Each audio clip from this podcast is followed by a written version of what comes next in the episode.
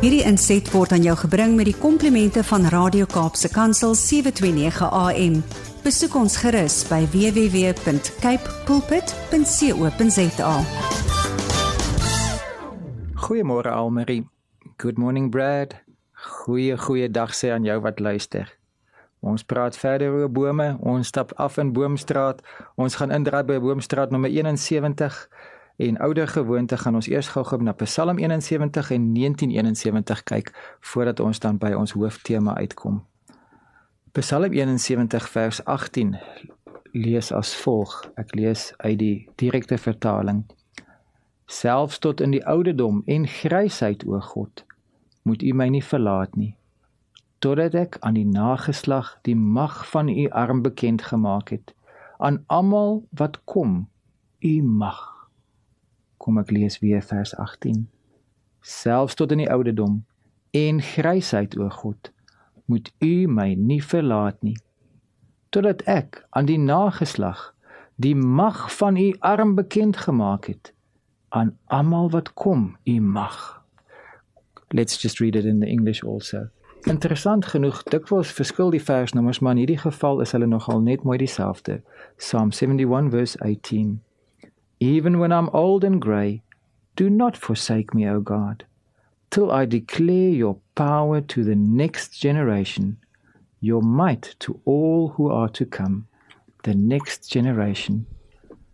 So selfs voordat ons nou praat oor wêreldgebeure of dit wat in my eie persoonlike lewe gebeur het in hierdie jaar, voordat ons praat oor hierdie geliefde tema van bome, onthou net dat daar 'n volgende generasie En as hulle nog jonk en klein is, dan kyk hulle op na ons omdat hulle kort is en ons is langer as hulle. Maar later dan kyk hulle op na ons toe want ons is meer ervare. En dan sien hulle of ons as 'n rolmodel of hulle sien ons en hulle sê ek wil alles behalwe wees soos daai een. Kom ons wees 'n goeie voorbeeld vir die opkomende generasies. Oude gewoonte as ons afstap uh, op pad na Boomstraat toe dan draai ons net vinnig in by World Events Way en kyk wat op die wêreldtoneel gebeur het in 1971 uh in die wêreldtoneel en dan ook in my persoonlike lewe. In die wêreldtoneel was dit 'n jaar waarin die stem ouderdom, the voting age in the United States is lowered to 18. Uh Walt Disney World theme park is opened and the Soviet Union launches its first space station, Soyuz 1 in interessant genoeg uh Margaret Thatcher wat later prime minister sou geword het, is op hierdie stadium education secretary. Sy het begin by die onderwysdepartement en hulle het op daai stadium gratis melk gegee vir laerskoolkinders en sy het dit beëindig en dit het nogal gelei tot redelike um, ramifications. The US table tennis team visits the People's Republic of China, uh, which is later known as ping pong diplomacy. Almal uh, wat uh, Forrest Gump gesien het sal sien dat Tom Hanks kan baie goed tafeltennis speel. Uh dit is alles trick vir fotografie by the way. Nou op die wêreldtoneel was hierdie groot dinge van Margaret Thatcher wat besluit te maak oor melk en uh die ping pong diplomacy en Disney World en allerlei groot dinge. Maar in my eie persoonlike wêreld was daar iets wat gebeur het wat 'n geweldige lewenslange impak gehad het. Ek is my ouers se eersgeborene en op toe ek nou 1971 net maar amper 3 jaar oud is, toe is my broer Pieter Johannes Nagel gebore. Pieter was my kleinboet, is my jonger boet, is my broer wat ek met soveel wonderlike herinneringe my lewe lank my lewe mee kan deel en ek wil net sê my brother knows his stuff hy ken die rekenaarwêreld, maar hy ken ook die wye wêreld. He knows his stuff en hy het my lewe so verryk. As ons dan aanstap na Boomstraat 71 toe, dan wil ek aansluit by vorige gesprekke. Ons het gepraat oor stompe, ons het gepraat oor stampe en ek het verlede week met ons vorige gesprek begin opnoem al die kere wat ek al motors gestamp het. Nou 'n motor wat gestamp word, kan jy na die paneelkloppers toe neem en dit dinge kan weer reggestel word. Meeste van die tyd is dit ehm, 'n um, klomp uitgawe en 'n klomp frustrasie, maar dit dinge die lewe kan weer aangaan.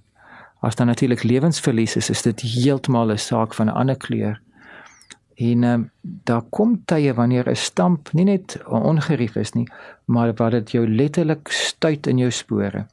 En dit bring my by vandag se tema, gestuite stompe. Gestuite stompe. Afrikaans is so interessant. Ons kan die woord kry verstuit.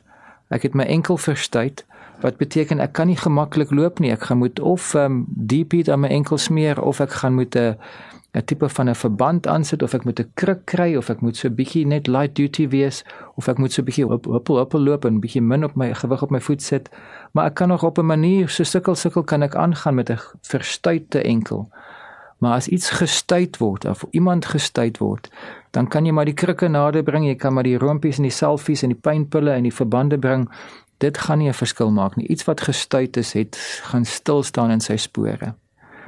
En 'n 'n bender vender, 'n so ligte stamp gaan jou ehm um, dit gaan jou dit gaan jou lewe verstuit en dit gaan jou versondig en dit gaan uitgawes wees, maar dit stuit jou nie, jy kan weer aangaan. Uh die motor gaan reggemaak word, jy kan weer kan ry. Maar daar's ander gebeurtenisse in jou lewe.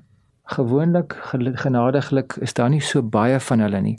Maar daar's ander gebeurtenisse in ons lewe wat ons deeltemal laat voel dat life as we know it has just come to an end. Die dood van 'n ouer en meer nog die dood van 'n lewens life partner, die dood van 'n kind, die diagnose van 'n 'n ongeneeslike siekte, 'n 'n totale totale bankrotskap. Daar is situasies waar waar 'n familieplaas verlore gaan. Daar's situasies waar 'n besigheid wat vir generasies in die familie se besit was, uh, ondergaan. Daar is verhoudingsbreuke wat nie sommer net weer kan gepatch word nie. Uh, Almal van ons se verhoudings word soms verstuit, maar daar is, is in sekere gevalle word word 'n verhouding gestuit, nie net verstuit nie, maar gestuit waar daar nie 'n pad vorentoe is nie. En ons sing so graag God will make a way where where there seems to be no way. En soms dan is daar 'n uitkoms. Ek wil die Here nooit beperk nie. Ek wil net sê daar is altyd 'n pad vorentoe. Maar in die situasie binne in my menslike perspektief is dit soms so dat hierdie ding wat nou gekom het, bring 'n einde aan my verstaan van my lewe. Dinge gaan nie nooit weer dieselfde wees nie.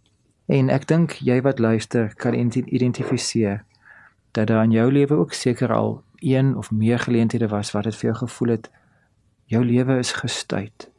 Ek praat maklik uit herinneringe of uit ehm um, ek probeer analiseer, ek probeer verstaan maar die goed waaroor ek nou praat is nie iets wat 'n mens kan analiseer nie. Jy kan dit nie net label en uh, in 'n botteltjie sit en dan weer aangaan met jou lewe nie. Hierdie goeters is diep. Hierdie gebeurtenisse is donker. Die gevoelens wat daarmee saamgaan is oorweldigend. Jy voel verswelg, jy voel oorbluf, jy voel totaal gestuit. Dis donker en dan so alleen as so iets in jou lewe gebeur. Ek het 'n mate van begrip. Daar's van my lewensomstandighede waar ek gestuit voel. Maar my omstandighede, hoe intens dit vir my ook al mag wees, is nie dieselfde as joune nie. En joune is waarskynlik nog meer intens as dit wat ek beleef. Maar ek weet net dat ons is nie alleen of dit nou 'n klein stampie is of 'n skrapie waar ons metallic verf afgesplinter het en of dit nou so 'n lewensstamp is waar jy voel die lewe gaan nooit weer kan voortgaan nie. Lewe gaan nooit weer dieselfde wees nie. Ons is nie alleen nie.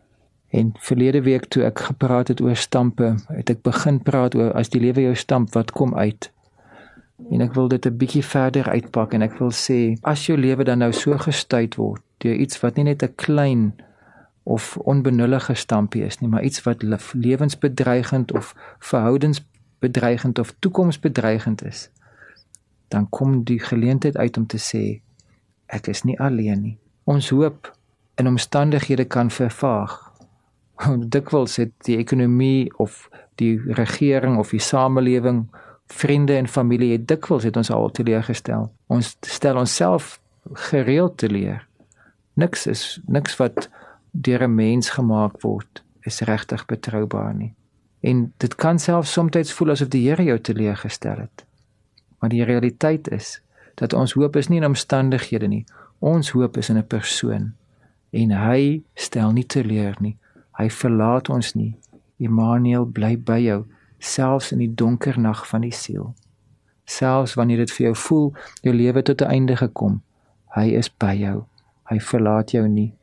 Ek wil nie ligtelik praat oor dinge wat ek net ten dele verstaan nie en ek het nie antwoorde nie. Maar ek ken die een wat sê ek sal jou nooit begewe nie. Ek sal jou nooit verlaat nie. Selfs al lyk dit vir jou asof jou lewe tot einde gekom het. As die lewe jou stamp, dan kom daar uit die woorde: Help my, Here, hou my vas. Hou my vas, Jesus, hou my vas. En dis al wat ons kan sê.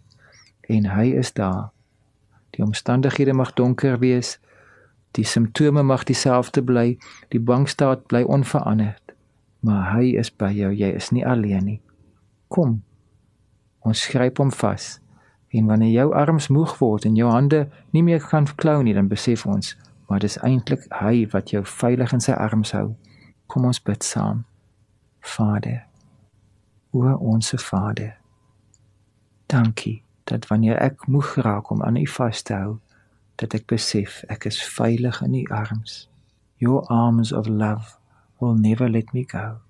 Selfs al stamp omstandighede, selfs al breek verhoudings, selfs al stort alles in duie u is met my u is by my u begewe en verlaat my nie die omstandighede die simptome die eh, balans staat niks klop op hierdie stadium nie maar u sê vir my u is by my dankie vir daardie wete en selfs was daai wete vervaag en ek wonder daaroor dat ek dan kan vashou aan die feit dat u is nie 'n mens wat sal lieg nie.